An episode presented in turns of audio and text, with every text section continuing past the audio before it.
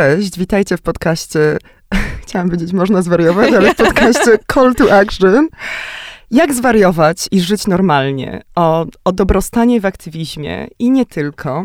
Rozmawiam dzisiaj z Kleo Ćwiek, modelką, założycielką fundacji Można Zwariować, działaczką na rzecz zdrowia psychicznego, klimatu, podcasterką, startuperką, pasjonatką nowych technologii. Kleo, czy ty się odnajdujesz w tym opisie? E, hmm. Chyba jeszcze sama siebie nigdy tak nie opisałam, bo zazwyczaj mówię o jakiejś jednej rzeczy, którą się zajmuję, e, ale jak tak mówisz, to brzmi jakby było strasznie dużo tych rzeczy. Ale ty masz bardzo dużo rzeczy na swojej agendzie i, i, i też właśnie wydaje mi się, że nie jesteś jednowymiarowa, tak jak pamiętam jeszcze e, właśnie zamierzchłe czasy, kiedy Cool Girl były modelką slash DJ-ką, Um, a teraz... Albo It Girl. Albo It Girl, dokładnie. Miałyśmy nie używać angielskich zwrotów, ale ciężko Nie ma tłumaczenia. Nie ma, absolutnie. Kim jest It Girl, tak naprawdę? Może ta, nie wiem, która dużo je? It Girl? Jedzenie to się wzięło. ale um, ty łączysz jednak w dużej mierze bycie modelką i aktywistką. Jedno daje ci platformę, drugie daje ci pewnie satysfakcję, ale to wszystko wyszło, wyszło naturalnie u ciebie. Mhm. Um, Myślę, że przede wszystkim to wyszło z tego, że jeden, jestem niecierpliwa i dwa, szybko się nudzę, więc ciągle szukam jakichś rzeczy, które mnie będą zaciekawiać. Bodźców. Tak. E, no tak, a jak już się czymś pointeresowałam, to tak czuję, że no dobra, no to teraz jeszcze czymś bym się więcej pointeresowała. To może na dobry początek podkradnę ten motyw z twojego podcastu, który prowadzisz z Anią Cyklińską, psychoterapeutką. Mhm. Pozdrawiamy Psychoedu, cześć. Um, I zapytam ciebie, z czym dzisiaj przychodzisz, jak się czujesz? Czuję się super i w ogóle wczoraj już miałam taki dzień, że się czułam tak dobrze, że aż się zastanawiałam, czy się nie czuję za dobrze, ale wiesz, taki dzień, że miałam tyle energii i w ogóle wszystko idzie w tak dobrym kierunku. Mam wrażenie, że to jest nie wiem, czy to jest kwestia bycia y, bipolar, y, czy, y, czy czego, ale wszystko mam wrażenie, że jest trochę takie, że jak coś idzie źle, to wszystko naraz idzie źle, a jak coś idzie dobrze, to wszystkie rzeczy naraz idą dobrze i aż ciężko złapać, co zrobić. To był taki dzień, w którym tak dobrze się czułam i miałam taką energię i dzisiaj czuję, że to się kontynuuje, że y, byłam rano na treningu, potem wróciłam do domu, pracowałam na kąpie, pracowałam na kąpie, ale czułam, że mam tyle energii, że jeszcze poszłam na spacer, wiesz, taki długi, żeby wychodzić wchodzić tę energię i posłuchać jakiegoś tam podcastu czy coś takiego, ale no, mam, e, czuję, że mam, mam dobry czas w głowie i w ogóle ze wszystkim, co się dzieje. A ty z czym zaczynasz? Ja mam trochę wrażenie, że e, jeżeli mówimy o, o takich biegunach, to ja jestem po tej trochę drugiej stronie bieguna mhm. obecnie, że... To będziemy się dzisiaj dobrze balansować. Myślę, że tak, tak, że ty będziesz takim moim aperem, a ja będę cię ciągnąć w dół trochę i tak właśnie spowalniać, nie? Ale nawet przypadkiem zupełnie natrafiłam wczoraj, to było w żaden sposób nie, niezwiązane z researchem do, do naszego dzisiejszego podcastu, na twojej zamkniętej grupie, takiej mhm. społeczności mhm. na Facebooku można zwariować, był opis jednej osoby. Oczywiście nie będę wchodziła w szczegóły, ale mhm. mi się wydaje, że jest to trochę takie uniwersalne doświadczenie, gdzie osoba pisze o tym, że e, mówimy tyle o empatii, o właśnie mm, takim zrozumieniu mhm. na drugą osobę i na to, jak się czujemy, ale y, też czuję, że, że cały czas spotyka się z takimi reakcjami, no dobra, ale ile można wyjść się w garść, mhm. jakby jestem zmęczona, zmęczony, słyszeć cały czas, że ty jesteś zmęczona, mhm. jakby ile można, codziennie to samo i w pewnym momencie czujesz, kurczę, chyba muszę połknąć już tę żabę i nie powinnam tak uwidaczniać tego, jak jest i po prostu zamknąć to w sobie, ale to wcale nie pomaga, więc y, jestem trochę zmęczona. ale cieszę się, e, mam nadzieję, że po prostu nakarmię się trochę tym słońcem i twoją pozytywną energią. A widziałaś moją odpowiedź pod tą wiadomością? Nie. Bo e, ta wiadomość dotyczyła tego, że właśnie dużo mówi się o empatii w taki sposób teoretyczny. My zresztą też rozmawiałyśmy o tym e, w naszym podcaście. Cały jest odcinek w ogóle z, z Olą Piejką, ekspertką właśnie o empatii. Hej Olu, także cię pozdrawiamy. To są e... same znajome dzisiaj.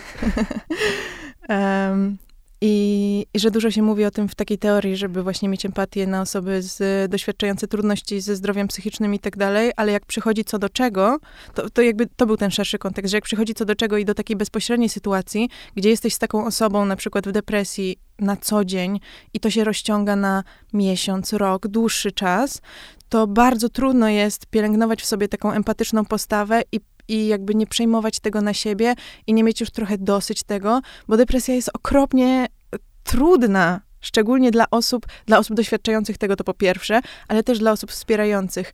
I e, uważam, że to jest bardzo adekwatna refleksja, dlatego że ja widzę to po, po mojej sytuacji z moją siostrą, e, która ma te trudne doświadczenia, ma, jest, y, ma problem z dobraniem leków, więc wiesz, ja czuję, że mi to się udało i przez to chcę, żeby innym też się udało, a jednocześnie w swoim najbliższym otoczeniu nie jestem w stanie jej w tym pomóc. I spędzamy mnóstwo godzin na rozmowach. Wczoraj dwie godziny na telefonie, rozmawiałyśmy o wielu różnych rzeczach i widzę, że ona próbuje i podejmuje różne kroki i na maksa mnie to cieszy, ale też widzę, jakie to jest dla niej strasznie trudne i jak wiesz, jak ona nie ma siły i czasami czuję tak, że że wiesz, no dlaczego zamiast y, spać przez 15 godzin na dobę nie, nie zrobisz czegoś, nie wyjdziesz, nie, nie podejmiesz tego pierwszego kroku. Ale mówię to dlatego, że jak ja już się czuję lepiej, mając to doświadczenie depresji wielokrotnej, bardzo trudnej, to bardzo szybko jestem w stanie zapomnieć, jak to właściwie mhm. jest, się jak tak strasznie czuć. trudno jest zrobić też ten właśnie pierwszy krok, jak żeby wykonać trudno. telefon i zapisać się na konsultację tak. albo... I za każdym razem, kiedy jej powiem coś takiego, że no Ola, już wiesz, no jakby, ale spróbuj, ale dlaczego? E, to potem się czuję strasznie głupio, dlatego że wiem, że to nie jest wcale takie proste i że to nie wynika z jej braku chęci, czy z, z jej złej woli, czy coś takiego, tylko z tego, że no, to jest bardzo trudne zaburzenie, z którym strasznie ciężko się żyje. Bo mówimy też teraz bardzo dużo o tym, żeby odpoczywać, żeby właśnie zatroszczyć się o siebie. Mhm.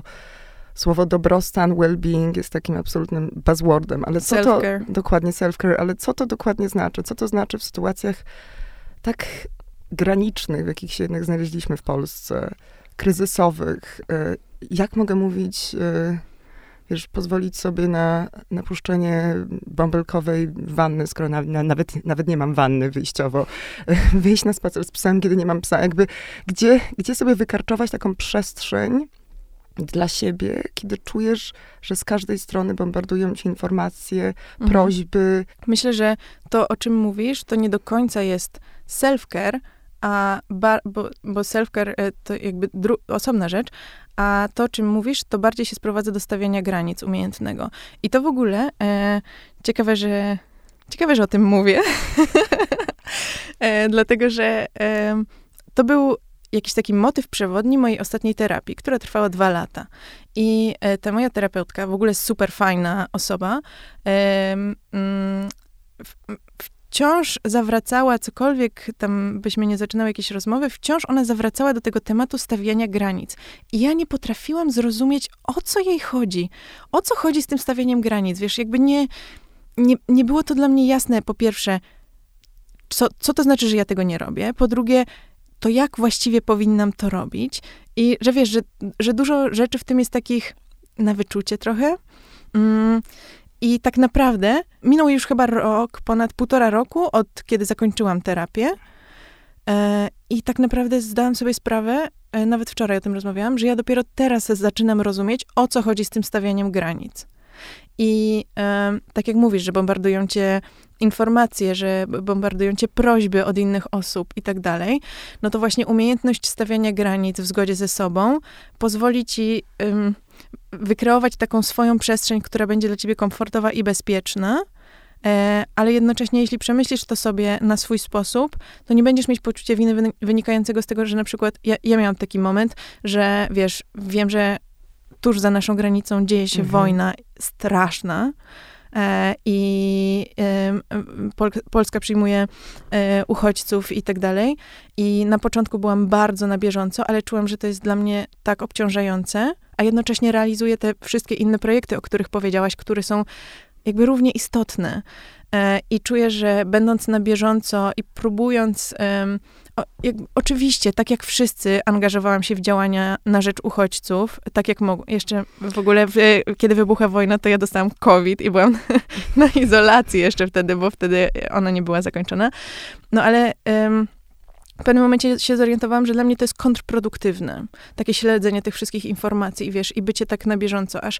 Więc wydaje mi się, że stawianie sobie jakichś takich świadomych granic tego, co jest dla mnie dobre, na przykład y, sprawdzenie tych informacji tylko raz dziennie, nie? Albo na przykład raz w tygodniu nawet. To jest okej. Okay. Mimo, że na początku miałam wyrzuty sumienia e, z racji tego, że może niewystarczająco się angażuję w to, co się dzieje aktualnie na świecie, e, to z drugiej strony też e, po, przemyślałam sobie to na drugi sposób, że e, no tak, ale zobacz, e, wojna w Ukrainie tak zmobilizowała społeczeństwo, które do tej pory nie było zaangażowane aktywistycznie, gdzie ja to robiłam już od dobrych paru lat wcześniej. Tak osoby, które nie miały żadnego doświadczenia z jakimkolwiek aktywizmem czy wolontariatem, teraz zaczęły się angażować. Więc de facto poczułam, że ja mogę wiesz, że jakby moja jedna osoba tutaj nic nie zmieni, bo, ale na szczęście na moje miejsce pojawiło się kilkadziesiąt innych, które teraz aktywnie działają, więc ja mogę skupić się na swoich rzeczach, które dalej są działaniami aktywistycznymi, ale w innym obszarze, e, bo, bo ta rzecz jest zaopiekowana. Kleo, ale ty także przede wszystkim działasz w ogóle, nie działasz właśnie indywidualnie w pojedynkę, tylko jesteś częścią większego zespołu, fundacji, którą ty założyłaś, można zwariować. I na przykład y, niekoniecznie musiałaś robić rzeczy na dworcach, w noclegowniach, ale wypuściliście infolinię y, w języku ukraińskim dla osób, y, dla osób właśnie przyjezdnych, razem we współpracy z Wellbe, prawda? Więc tak, byliśmy e, partnerem tego projektu rzeczywiście, ale to w dużej mierze jest zasługa Wellbe i Lekko, e, które dało na to kasę i że w ogóle sprawiło, żeby to było możliwe. E, w ogóle bardzo się cieszę z tego partnerstwa i że możemy brać udział w tego rodzaju działaniach, no ale no, jakby to jest głównie ich zasługa, oczywiście ale też myślę, że to jest, ma dużą wartość, że można robić coś w obrębie swojego area of expertise. Wiesz? Mm, w obrębie mm, swojej w, w obrębie, ekspertyzy, nie. W obrębie swojej przestrzeni ekspertyzy. W obrębie tego, na czym znasz się najlepiej, Dokładnie. bo jeśli... Um... Rozpoznaj, co możesz dać yy, i po prostu skup się na tym. Nie rozdrabniaj się na na rzeczy, które są ci obce. Ale myślę, że każdy z nas w tamtym czasie miał takie poczucie, że może jednak powinien być na tym dworcu i może jednak powinien, wiesz, ja miałam takie duże poczucie, że siedzę w domu z COVID-em i, i kombinowałam na wszystkie sposoby, bo, bo czułam, że to jest takie ważne, ale z drugiej strony zobacz, ile ludzi, którzy wcześniej nie byli nigdy w nic zaangażowani, wstało, wyszło i zaczęło robić, więc miałam takie poczucie, że to jest za, zaopiekowany temat. Spotykamy się w ogóle przede wszystkim w maju. Maj jest miesiącem zdrowia psychicznego. Naprawdę? No, ty, ty, mi to powiedziałaś. Nie, nie powiedziałam ci, że to jest miesiąc zdrowia psychicznego, że to jest, jest. po prostu miesiąc naszej kampanii. Nie, nie wiedziałaś? Oficjalnie maj jest właśnie miesiącem uświadamiania uświadamiania zdrowia psychicznego, oh wow, w sensie super. tematów zaburzeń Super, ale po prostu ja już mam tak dosyć tych wszystkich. Dzisiaj jest dzień depresji, więc jakaś firma wypuszcza Instastory z tym, a dzisiaj jest dzień pączka, a dzisiaj macie wszystko za darmo na hasło dzień pizzy. Wiesz, na, national, international, już po prostu nie wiadomo, są dni wszystkiego, więc ja już nie biorę nic z tego pod uwagę. Dla mnie maj jest miesiącem kampanii Można Zwariować, a to, że się okazuje, że to jest dodatkowo miesiąc zdrowia psychicznego, tym lepiej dla nas. Idealnie się wbiłaś. Idealnie to po prostu marketingowy chwyt. Um, i, I hasłem właśnie przewodnim waszej kampanii jest um, można zwariować i żyć normalnie. Mhm. Powiedz, co ty rozumiesz przez to normalne życie? Co to znaczy normalnie? Kto, kto właśnie wytacza ramy normalności? Nie ma, myślę, że w ogóle nie ma czegoś takiego jak norma, e, ale w ten sposób też chcieliśmy trochę zawłaszczyć to słowo, bo mówiąc o zdrowiu psychicznym, często um, opisuje się to w takich ramach normalny, nienormalny, nie? Mhm. Że coś odchodzi od normy. E, dla mnie żyć normalnie z zaburzeniami psychicznymi oznacza to, że nie muszę sobie odmawiać czegokolwiek, co mogłaby robić osoba nie mająca takich zaburzeń jak ja. I, um, i to, że w dzisiejszych czasach istnieją sposoby na to, że mimo, e, że mam dwubiegunówkę, która kilkadziesiąt lat temu sprawiałaby, że nie mogłabym funkcjonować tak, jak funkcjonuje dzisiaj. Choroba afektywna dwubiegunowa e, jest e, u wielu osób przyczyną niepełnosprawności i niezdolności do pracy i wykluczenia społecznego. W ogóle zaburzenia e, psychiczne są obciążone największym ostracyzmem i wykluczeniem społecznym, bardziej niż jakiekolwiek zaburzenia zdrowotne. Też przede wszystkim stygmatyzacją systemową. I to, czym dla mnie jest to hasło, to to, że mm, kiedy wcześniej nie wiedziałam, co się ze mną dzieje, nie wiedziałam, o co chodzi z moimi nastrojami, nie wiedziałam, dlaczego jestem taka, jaka jestem i dlaczego to jest, dlaczego wszystko jest dla mnie po prostu tak trudne. I wydawało mi się, że albo wszyscy inni ludzie ściemniają, e, mówiąc, że są szczęśliwi i że w ogóle szczęście to jest jak, jakiś taki koncept, który jest dla mnie nigdy nieosiągalny, albo on w ogóle nie istnieje, tylko jest jakieś e, takie społeczne, e, jakaś taka umowa społeczna, o której ja się nie dowiedziałam, że wiesz, że, to, że szczęście nie jest prawdziwą rzeczą. E, I, I jakoś, wiesz, to po prostu wszystko było dla mnie tak strasznie niezrozumiałe. I w momencie, kiedy trafiłam do szpitala psychiatrycznego, jak miałam 18 lat, to tak naprawdę był taki moment przełomowy, w którym się okazało, że okej, okay, to właściwie to nie jest tak, że ja muszę się całe życie męczyć, bo moje życie było męczące. Wiesz, życie w mojej głowie było tak męczące, że ja nie miałam siły na nic innego. To było straszne miejsce, przytłaczające. I nagle się okazało, że to można zmienić. Wiesz, że no, tak naprawdę dla mnie, e, to, to, co ja często powtarzam, to dla mnie hasło można zwariować, to jest można zwariować i ej, naprawdę nie musisz się czuć źle, mhm. bo są na to sposoby. I okej, okay, rozumiem, że ludzie są często uprzedzeni, jeśli chodzi o farmakologię, um, ale czasami to naprawdę może podwyższyć twoją jakość życia tak, że nie masz pojęcia. I na przykład ja miałam ostatnio taką sytuację. Na początku tego roku um, zaczęłam się czuć gorzej, no nie? A jestem bardzo stabilna, przeszłam terapię, jestem w leczeniu farmakologicznym, mam świetnie ustawione leki ale zaczęłam się czuć trochę gorzej. I tak sobie myślałam, nie, no bez przesady, no nie będę zwiększać tych leków, bo już od lat biorę tę samą dawkę, jest okej. Okay. I poszłam do mojej psychiatry i zaczęłam o tym rozmawiać i pomyślałam, hmm, a może jednak, wiesz, jakiś, jakiś miałam opór przed zwiększeniem tej dawki, bo wiedziałam, że to musi być o, o drugą taką, o, drugi o drugą taką samą, więc to może za dużo czy coś. I teraz, jak y, już jestem po tym czasie, jak zwiększyłam tę dawkę, myślę sobie, o Boże, dlaczego byłam taka głupia i nie zrobiłam tego wcześniej? Bo zaczynałam się czuć już źle. Naprawdę źle. I tak naprawdę wiem, że wyłapałam to we właściwym momencie, bo później by mogło być za późno. No i co? No, jakby są ludzie, którzy potrzebują, yy, nie wiem, yy, mieć pompę insulinową, jak mają cukrzycę. No i okej, okay, no to tego potrzebują, żeby funkcjonować e, normalnie w społeczeństwie, tak jak wszyscy. Więc mam wrażenie, że z zaburzeniami psychicznymi można żyć e, normalnie, um, tylko po prostu, wiesz, masz trochę trudniej. A powiedz mi, a na ile to gorsze właśnie samopoczucie jest też, i, i, i znowu przychodzi mi do głowy słowo normalnie, normalną reakcją na otaczającą nas rzeczywistość? Znaczy, kiedy, jak można rozpoznać ten moment, że to gorsze samopoczucie nie jest tylko związane z tym, co się dzieje wokoło mhm. i e, no ten nasz język jest tak jednak na, nacechowany. No, że się trochę wymyka spod tak, kontroli. Tak, tak, tak, tak, tak, tak. Mhm. Ja zawsze, jak czy rozmawiam z przyjaciółmi, ze znajomymi, czy z kimś, kto mnie pyta w kwestii właśnie e, depresji, czy tego, w którym momencie właściwie reagować, to zawsze sobie myślę o tym e, w ten sposób, że jeśli twoje złe samopoczucie jest czymś uwarunkowane, rozstałaś się z chłopakiem, zmarła twoja bliska osoba, wiesz, e, miałaś jakieś traumatyczne doświadczenie, cokolwiek, nie? E, i, i się źle czujesz i to jest przez to, no to jest w tym jakaś podstawa.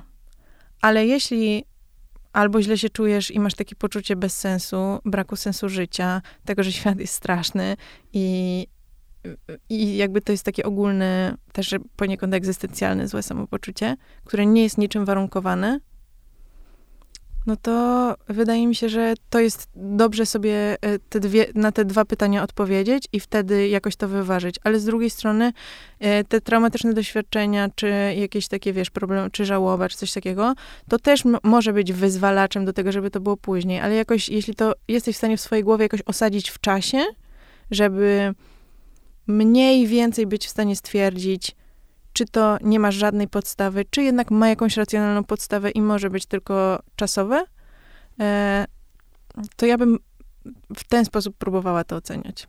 Stworzyliście też taki bardzo fajny, fajny model Prisma, mhm. um, który właśnie pomaga nieść y, wsparcie osobom w kryzysie, y, który też pokazuje, na co zwrócić uwagę, jakie są te pierwsze sygnały. Prisma powstała z inicjatywy już wcześniej wspomnianej Oli Piejki i no jakby z, in, z inicjatywy naszej, y, ale Ola wymyśliła ten akronim. My nie jesteśmy chyba taką fundacją, jak, jak sobie myślisz o fundacjach, że to jest jakaś taka prężna firma i tam my, my, nikogo nie zatrudniamy, wiesz, robimy wszystko tak na styk, z najmniejszą kasą, albo w ogóle wszystko bez kasy. Bo to jest taka oddolna inicjatywa z potrzeby totalnie. po prostu działania, tak. Tak, tak, mhm. totalnie. Mam wrażenie, że w tych wszystkich innych organizacjach i fundacjach, którym się przyglądałam, czy z którymi próbowałam nawiązać jakąś współpracę, to jest wszystko takie oporne, takie, wiesz, że no to okej, okay, jak coś wymyślimy, to spotkajmy się, porozmawiajmy i nagle mija pół roku. Mhm. A my po prostu, wiesz, tutaj na Messengerze, no dobra, no to, a może tak, a może tak. Ej, słuchajcie, wymyśliłam, jakby się to mogło nazywać, Prisma. Ej, fajnie, dobra, no to super, no to rozwińmy to. Jak to powinno wyglądać? Yy, ja mam w sumie znajomego, którego dziewczyna jest graficzką, może ona by to mogła zrobić. I wiesz, raz, dwa, raz, dwa, raz, dwa i co? Mamy gotową książeczkę. No to skąd weźmiemy kasę na to, żeby to wydrukować? Wiesz, i to po prostu wszystko działa tak naprawdę na takich zasadach, to jest wszystko po czasie pracy i tak dalej. Nie ma żadnego normowanego czasu, który na to przeznaczamy. E, I Prisma to jest e, taki akronim, który ma pomóc nieść wsparcie osobie e, doświadczającej kryzysu psychicznego. Więc pozwolę go sobie szybko rozwinąć. A on jest też o tyle ważny, że po pierwsze nie było czegoś takiego e, dostępnego w Polsce, a po drugie, jeśli patrzysz na statystyki i badania, to tak naprawdę 25% Polaków na swojej drodze życia doświadczy jakiegoś rodzaju zaburzeń psychicznych czy kryzysu psychicznego. To jest strasznie dużo ludzi. Więc myślę, że wszyscy powinniśmy mieć to wbite do głowy, wiedzieć, jak reagować, e, żeby nas to nie zostało. No wiesz, to trochę jak CPR, nie? P to jest pytanie, e, dlatego że e, samo pytanie sygnalizuje osobie, że chcesz jej wysłuchać, no nie? A często to jest, często to w ogóle jest wystarczające bo e, przez to, że zaburzenia e, psychiczne dalej są takim stygmatyzowanym tematem, to osoby często nie wiedzą, czy jakby jak bardzo szczere mogą być z kimś, albo do kogo się mogą odezwać, kto ich nie oceni, kto nie będzie dla nich niemiły, więc e, często e, trzymają to w sobie, bo nie mają takiej bezpiecznej przestrzeni. E, dalej R e, to rozmowa, czyli wysłuchaj, poświęć uwagę, nie oceniaj, nie naciskaj. I to są informacje, czyli udostępniasz komuś jakieś e, takie rzetelne źródła wiedzy, nie? Nie jakieś tam mm, jakieś online'owe portale, nie wiadomo jakie fora czy coś tam. Tylko, Tylko na przykład Instagram można zwariować. Instagram można zwariować, też na, na naszej starej stronie, na, na tej nowej, nowa strona to jest strona kampanijna, więc, e, ale no, mieliśmy taką zakładkę źródła wiedzy, nie? I tam były po prostu odnośniki do wszystkich miejsc, które mają, podają rzetelną wiedzę odnośnie zdrowia psychicznego, tego, gdzie szukać wsparcia i tak dalej. S to jest specjalistyczna pomoc. E, I często osoby w kryzysie zdrowia psychicznego, wiesz, mają problem z tym, żeby wstać z łóżka, a co dopiero znaleźć właściwego dla siebie lekarza, psychiatrę, terapeutę. E, więc y, jeśli istnieje taka y, chęć ze strony osoby, możemy im po prostu pomóc znaleźć kogoś, pomóc znaleźć specjalistę, nawet, nawet umówić taką osobę, nie? Albo nawet pójść z nią bo to może być zbyt wymagające, zbyt trudne.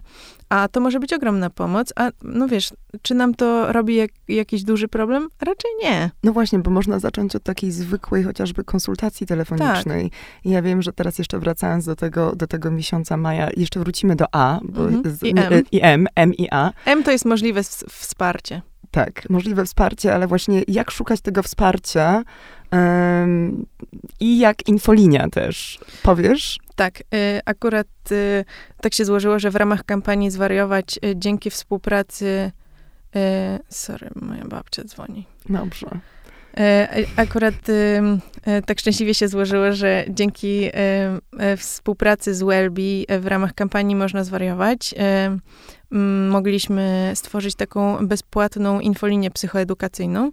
Podaję jej numer plus 48 799 394 006 i to jest taka infolinia, pod którą może zadzwonić każda osoba, pełnoletnia, niepełnoletnia. To nie są oficjalnie uznawane konsultacje psychologiczne, bo wiemy, że na konsultacje psychologiczne osoby niepełnoletnie muszą, mogą, mogą przyjść tylko za zgodą e, opiekuna prawnego. No a jeśli jesteś 16-letnią osobą e, i twój rodzic ci mówi, że nie chce, żebyś chodził, chodziła do psychiatry, bo to źle wygląda, albo przecież ty nie jesteś nienormalna, albo nie masz żadnych problemów, no to się robi problem, bo nie ma mhm. takiego outletu, nie?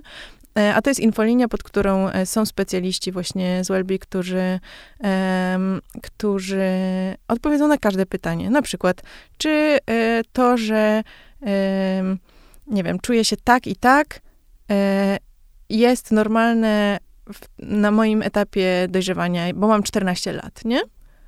Może się okazuje, że to jest coś takiego, co wszyscy przechodzą, ale skąd możesz wiedzieć? Albo niepokoi mnie że czuję się w ten i w ten sposób.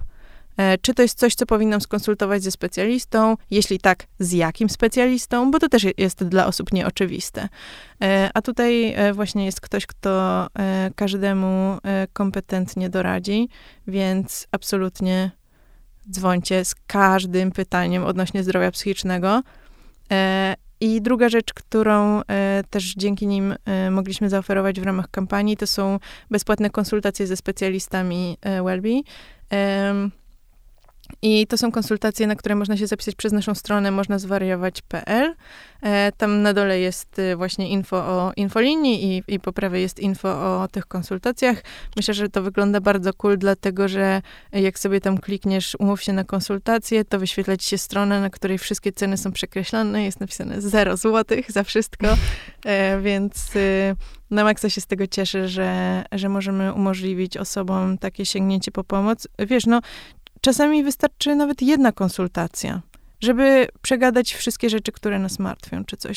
Więc y, może to być wystarczające. Może się okazać, że chcesz rozpocząć terapię, więc dlaczego nie? Y, to jest w ogóle niezobowiązujące. Można przyjść, umówić się, nie umówić się już nigdy więcej, albo zapisać na terapię, bo akurat trafiliście, trafiłyście na fajnego terapeuty, terapeutkę. No właśnie, każdy może zwariować i prosić o pomoc. To hasło pada także w waszej kampanii społecznej. Tak, a wypowiada je nie kto inny, a Wojtek Sokół. Na ile uważasz, że w Polsce e, wciąż panuje, znaczy, bo od kiedy zaczęłaś mówić o swoim doświadczeniu choroby afektywnej dwubiegunowej, czy widzisz też zmianę w podejściu do zdrowia psychicznego i terapii? Bo mam wrażenie przynajmniej, że w moim takim warszawskim kręgu osoby bardzo swobodnie mówią, a akurat wiesz co, nie mogę się spotkać, bo mam teraz terapię, wychodzę z terapii, idę na terapię. Mhm. To jest bardzo, e, bardzo powszechne. E, ale wiem, że jak kiedyś zakomunikowałam jakiejś osobie bliższej z rodziny, że chodzę na terapię, to był niepokój, że coś jest ze mną mhm. nie tak, że coś się wydarzyło, o czym ta osoba nie wie. Mhm. I jest to. Yy, jest to różnie jednak postrzegane.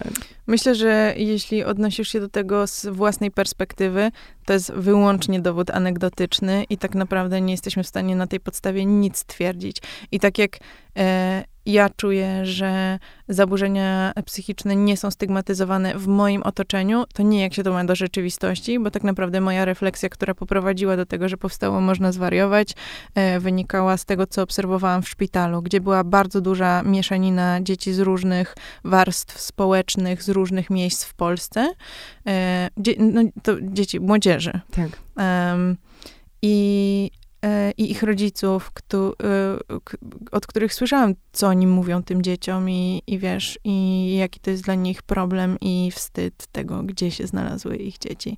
I miałam wtedy e, taką dużą świadomość tego ogromnego przywileju, jaki ja mam. Wsparcia po prostu rodziny. Przywileju, wsparcia, akceptacji. E, i dostępu do specjalistycznej pomocy, e, który może nie być taką powszechną rzeczą w ogóle, jakby tobie i mnie się wydawało, dlatego że znajomi wokół nas, wiesz, chodzą na terapię i jak potrzebują, to zgłaszają się do psychiatry. Ale z drugiej strony widzę też w swoim najbliższym otoczeniu, że mimo, że wydaje mi się, że jest ta świadomość i akceptacja, to wiesz, te osoby nawet najbliższe, które wydawało mi się, że są z tym totalnie okej, okay, że ja się leczę, to jak się okazuje, że z nimi coś jest nie tak, to jednak ostatnia rzecz to będzie pójście do psychiatry. Więc jeszcze nie ma jakiejś takiej, może jest akceptacja, ale nie ma jakiejś takiej swobody w tym, że jest to leczenie jak każde inne. Chociażby dlatego, że no, też są to wysokie koszty. E, jeżeli, mhm. jeżeli chcesz to zrobić instytucjonalnie, jeżeli mówimy o e, właśnie psychiatrii, chociażby dziecięcej, jest straszna zapaść, są długie Wiesz, ile kosztuje konsultacja u psychiatry dziecięcego? Chyba prywatnie, 500 złotych. No to jest absolutne szaleństwo. Szaleństwo. Mówimy też o powszechności, mówimy o braku powszechności, która wynika z braku dostępu. To, to jest, jest to, co powiedziałam wcześniej, że to jest stygmatyzacja systemowa, dokładnie to.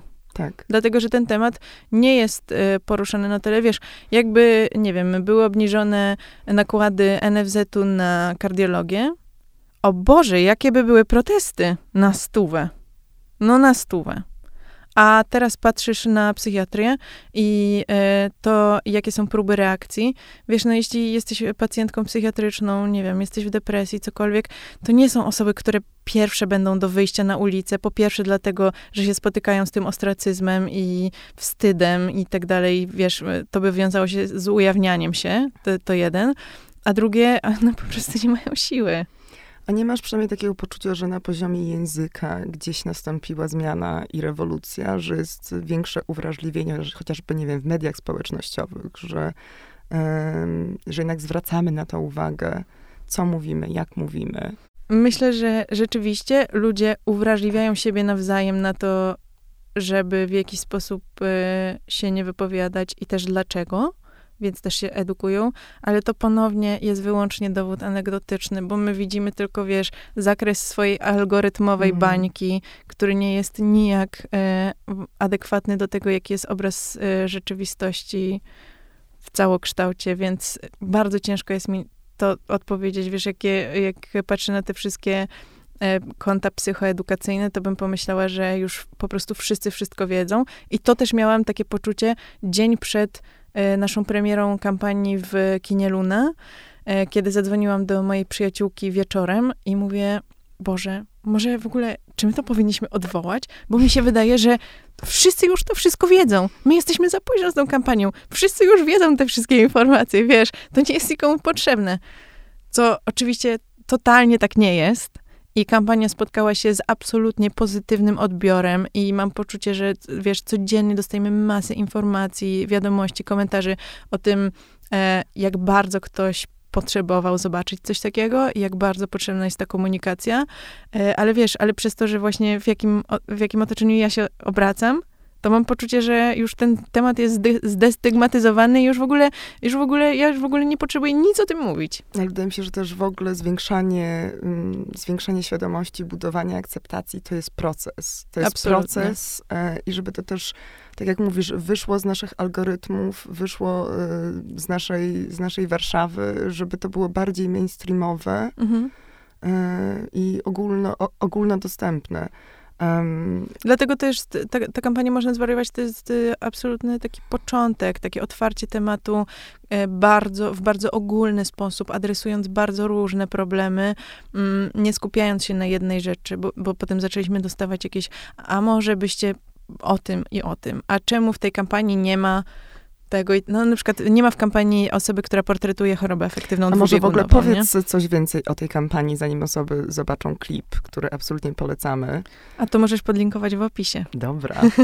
to ja zawsze mówię, jak nagrywamy podcast, można zwariować. Link do tego znajdziecie w opisie naszego odcinka. A nie zdradzając fabuły spotu, e, czy możesz nam coś więcej o nim powiedzieć?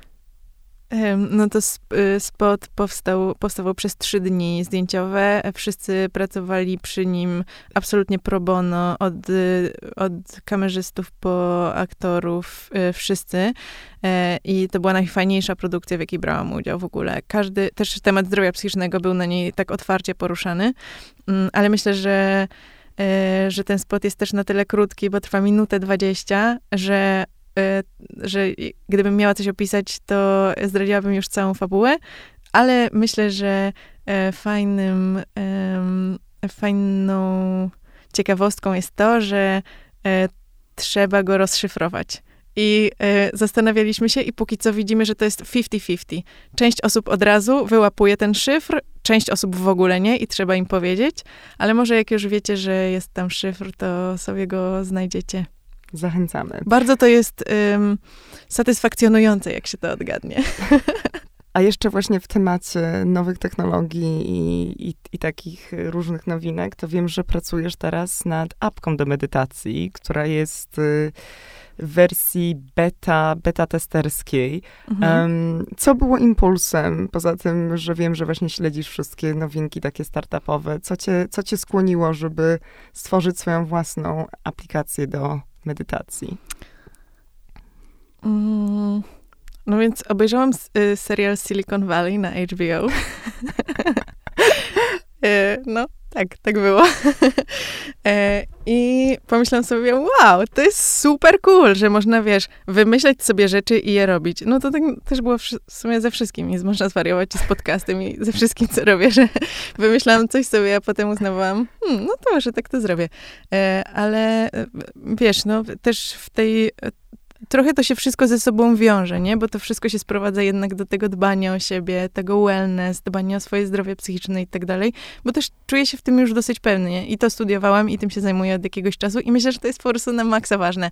I... Mm, no i wiesz, i wychodziłam sobie na takie spacery i sobie tak chodziłam i sobie myślałam i potem e, w którymś momencie wymyśliłam. Wychodziłaś ten Wychodziłam pomysł. to, mhm. że, um, że aplikacje do medytacji nie spełniają swojej roli, mają retencję miesięczną na poziomie 8%, to jest bardzo mhm. mało. E, nie, tak naprawdę nie zachęcają ludzi do medytacji, nie zachęcają mnie do medytacji, bo w medytacji najważniejsza, medytacja, praktyka uważności, to ma tak ogromny wpływ na, nasie, na, mhm. na nasze zdrowie psychiczne. Um, ale ta regularność jest tutaj kluczem. Nawet, wiesz, to nie musi być, że medytujesz przez godzinę, czy tam coś. Mhm. To może być, wiesz, kilka minut, ale aplikacje, z których korzystał, no bo to też nie jest tak, że e, po pierwsze, robienie tego samodzielnie, bez, bez niczego, bez żadnej pomocy jest bardzo trudne i musisz mieć to doświadczenie i umiejętność. Nie każdy ma czas i, e, i chęć wyjeżdżać na jakieś wyjazdy medytacyjne i tak dalej, więc Też te aplikacje stworzył cały jest... trochę biznes wokół tego, tak, który tak, tak. nakręca. Tak. Mhm. Więc te aplikacje to jest tak naprawdę, e, dla mnie to też jest biznes, bo ostatecznie chcę, żeby to była super prosperująca firma, ale, e, no, ale na, razie, e, na razie jesteśmy na bardzo wczesnym etapie. E, więc y, zdałam sobie sprawę z tego, że jakby co nie działa w tych wszystkich aplikacjach i że one wszystkie w ogóle wyglądają tak samo. Y, I wymyśliłam od zera y, wszystko, jak to powinno wyglądać według mnie. Czyli trochę taką zrobiłaś po prostu strip down version, czyli rozebrałaś te, te Nie, nie, wymyśliłam w ogóle A, wszystko od nowa. Od zera od nowa. Zupełnie coś, co nie istnieje jeszcze. Hmm. E, zupełnie alternatywne, co, czego nie ma w tych innych aplikacjach. Wiesz, nawet do, do, do, do tego stopnia, że model subskrypcyjny, który jest obecny w wszystkich innych aplikacjach, ja sobie wymyśliłam wszystko inaczej, jak to powinno działać. Na podstawie, wiesz, mnóstwa różnych rzeczy. Ja słucham milion podcastów, wiesz, no, wszystko mnie inne interesuje, więc to sobie wszystko przemyślałam w ogóle kompletnie inaczej. E, ale teraz jesteśmy właśnie w, w fazie beta testu. W ogóle to też, jak mi się to udało złożyć, to jest już ko kolejna inna historia. Kolejny, kolejny podcast. Tak, takie, wiesz, niesamowite, że to się w ogóle wszystko udaje, ale mam jakieś to ogromne szczęście i determinację i entuzjazm do tego, żeby namawiać kolejne osoby do tego, żeby im wyjaśnić, że to jest super pomysł, no i to się udaje. Ale teraz y, jesteśmy właśnie w fazie takich bardzo wczesnych beta testów i wczoraj nawet napisałam na Slacku mojemu teamowi, że ej, słuchajcie, Wiem, że jesteśmy tak naprawdę, mimo że już pracujemy nad tym prawie rok, wiem, że jesteśmy tak naprawdę na początku tej przygody i jeszcze szukamy bugów i wyskakują jakieś alerty i się crashuje apka i tak dalej, ale to jest super aplikacja. I ja do tej pory, a ja przetestowałam 62 aplikacje do medytacji. Także wiesz, Jesteś po jestem pro. zorientowana. Tak. Jeszcze nigdy nie udało mi się utrzymać praktyki medytacji, tak jak udaje mi się to robić z moją aplikacją. Nie możemy tutaj w takim razie podesłać linka, ale Kleo, proszę cię o Nie no, na e, pewno jak, jak już będzie... Tak. Na pewno jak już będzie, to będę informowała o tym na swoich mediach społecznościowych, bo myślę sobie, że wiesz, nawet moja siostra, która była totalnie sceptyczna, i jej mówiłam, Ola, uważność, medytacja, praktykowanie wdzięczności. I ona mówiła, ja studiowałam na WUMie, e, wiesz, e, to jest dla mnie jakieś tam szamańskie podejście, coś tam, coś tam. I wczoraj rozmawiałyśmy o tym i ona mówi, no tak, ale e, coś w kontekście swojej terapii mi opowiadała i mówi, no tak, ale ja mogę praktykować uważność przecież z twoją aplikacją. I ja mówię, Sprzedałaś ją Serio? komuś, swojej własnej siostrze. swojej własnej siostrze, która była totalnie najbardziej sceptyczną Tak. osobą. E, i, ale to dlatego, że jej powiedziałam, zobacz, Ola, tutaj w mojej aplikacji, alternatywnie do wszystkich innych, masz taką opcję, bo ona mówi, bo ja się nie mogę skupić. A ja mówię, Ola, zobacz, tutaj masz taką opcję, że jak się nie możesz skupić, to zacznij od jednej minuty dziennie. I możesz sobie ustawić, wiesz, tam to, no bo jak sobie zobaczycie, jaka to jest apka, to zrozumiecie, że to sobie wszystko można ustawić pod siebie, bardzo personalizowana. Więc zacznij od jednej minuty dziennie. Jak ci się nie uda, jutro zrób też jedną minutę. A jak ci się uda, to zrób dwie kolejnego dnia. I tak dalej, i tak dalej. I myślę, że to ją też przekonało. Bo, bo to się kojarzy z tym, że musisz od razu robić 45 minut, wiesz, siedzenia w, po turecku. Musisz jeszcze wybrać, jaką chcesz opcję, antystresową, antywypaleniową, po prostu To to w ogóle nie działa tak w ten dużo. sposób. Tak, o Boże, tak, to ja tak. ci muszę pokazać moją aplikację, to ci się też spodoba. Potrzebuję takie bare minimum po Bo to jest prostu. dokładnie to, co ja potrzebowałam. You will love it. Okej, cudownie. A powiedz mi... em, Więc to wszystko, co tworzę, tak naprawdę wynika z moich obserwacji, z moich potrzeb, więc to wszystko wynika, z, jakby wychodzi z takiego bardzo szczerego miejsca, wiesz. Nie, bo pomyślałam sobie, że ja też, I mean, jestem autystką, ja nie umiem wciskać ludziom bullshitu, więc jeśli w coś nie wierzę, to po prostu, no nie, no jakby nie. E, a jeśli w coś wierzę, to na serio. I na serio w to wierzę, dlatego że to ja tego potrzebowałam. Więc stworzyłam coś, co dla mnie działa. I to ja potrzebowałam tego, żeby powstało Można Zwariować. I ja kocham podcasty, więc wymyśliłam podcast i on działa super. Więc wydaje mi się, że to przez to, że to wszystko wychodzi z takiego absolutnie szczerego i autentycznego miejsca tego, co mnie interesuje i co ja zauważam, gdzie ja zauważam luki, e, to też ta komunikacja jest jakaś taka, wiesz, e, że to, że to działa. Czasami się zastanawiam, Jezu, jak to jest możliwe, że ci wszyscy ludzie tak kompetentni, tak wybitni w swojej dziedzinie, chcą to wszystko ze mną robić, gdzie to jest po prostu wszystko jakieś wyjęte z mojej głowy pomysły i one mogą być w ogóle czymś kompletnie, co w ogóle kompletnym niewypałem.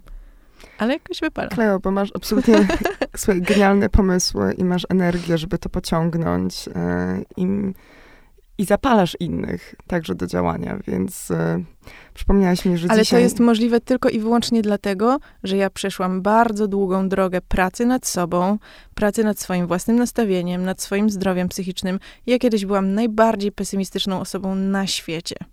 Myślę, że jestem też najlepszym przykładem tego, że jak myślisz o sobie, że no może już jestem taka pesymistyczna, smutna, melancholijna, może taka będę na zawsze.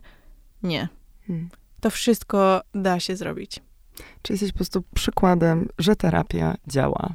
terapia, leczenie, właściwa pomoc, jeśli zauważamy u siebie takie rzeczy, to naprawdę są metody, z których można skorzystać e, i nie ma w tym w ogóle żadnego wstydu ani nic jakiegoś ujmującego. Dokładnie. Nie wstydź się prosić o pomoc. Nie jest, nie jest słabością e, bycie w słabszej formie. I jeszcze raz podbijemy numer telefonu. Przypomnę ym, numer naszej psychoedukacyjnej y, bezpłatnej infolinii. To jest plus 48 799 394 006 i możecie na nią dzwonić i zadać każde pytanie e, dotyczące waszego zdrowia psychicznego, cokolwiek. Można zwariować i być rodzicem, nauczycielką lub uczniem, aktorką, sportowcem, lekarką, prawnikiem, inżynierem, kucharzem. Ale ja nie o tym, że możesz być każdym, ale o tym, że każdy może zwariować i prosić o pomoc. Można zwariować i o tym rozmawiać. Można zwariować i żyć normalnie. Można zwariować.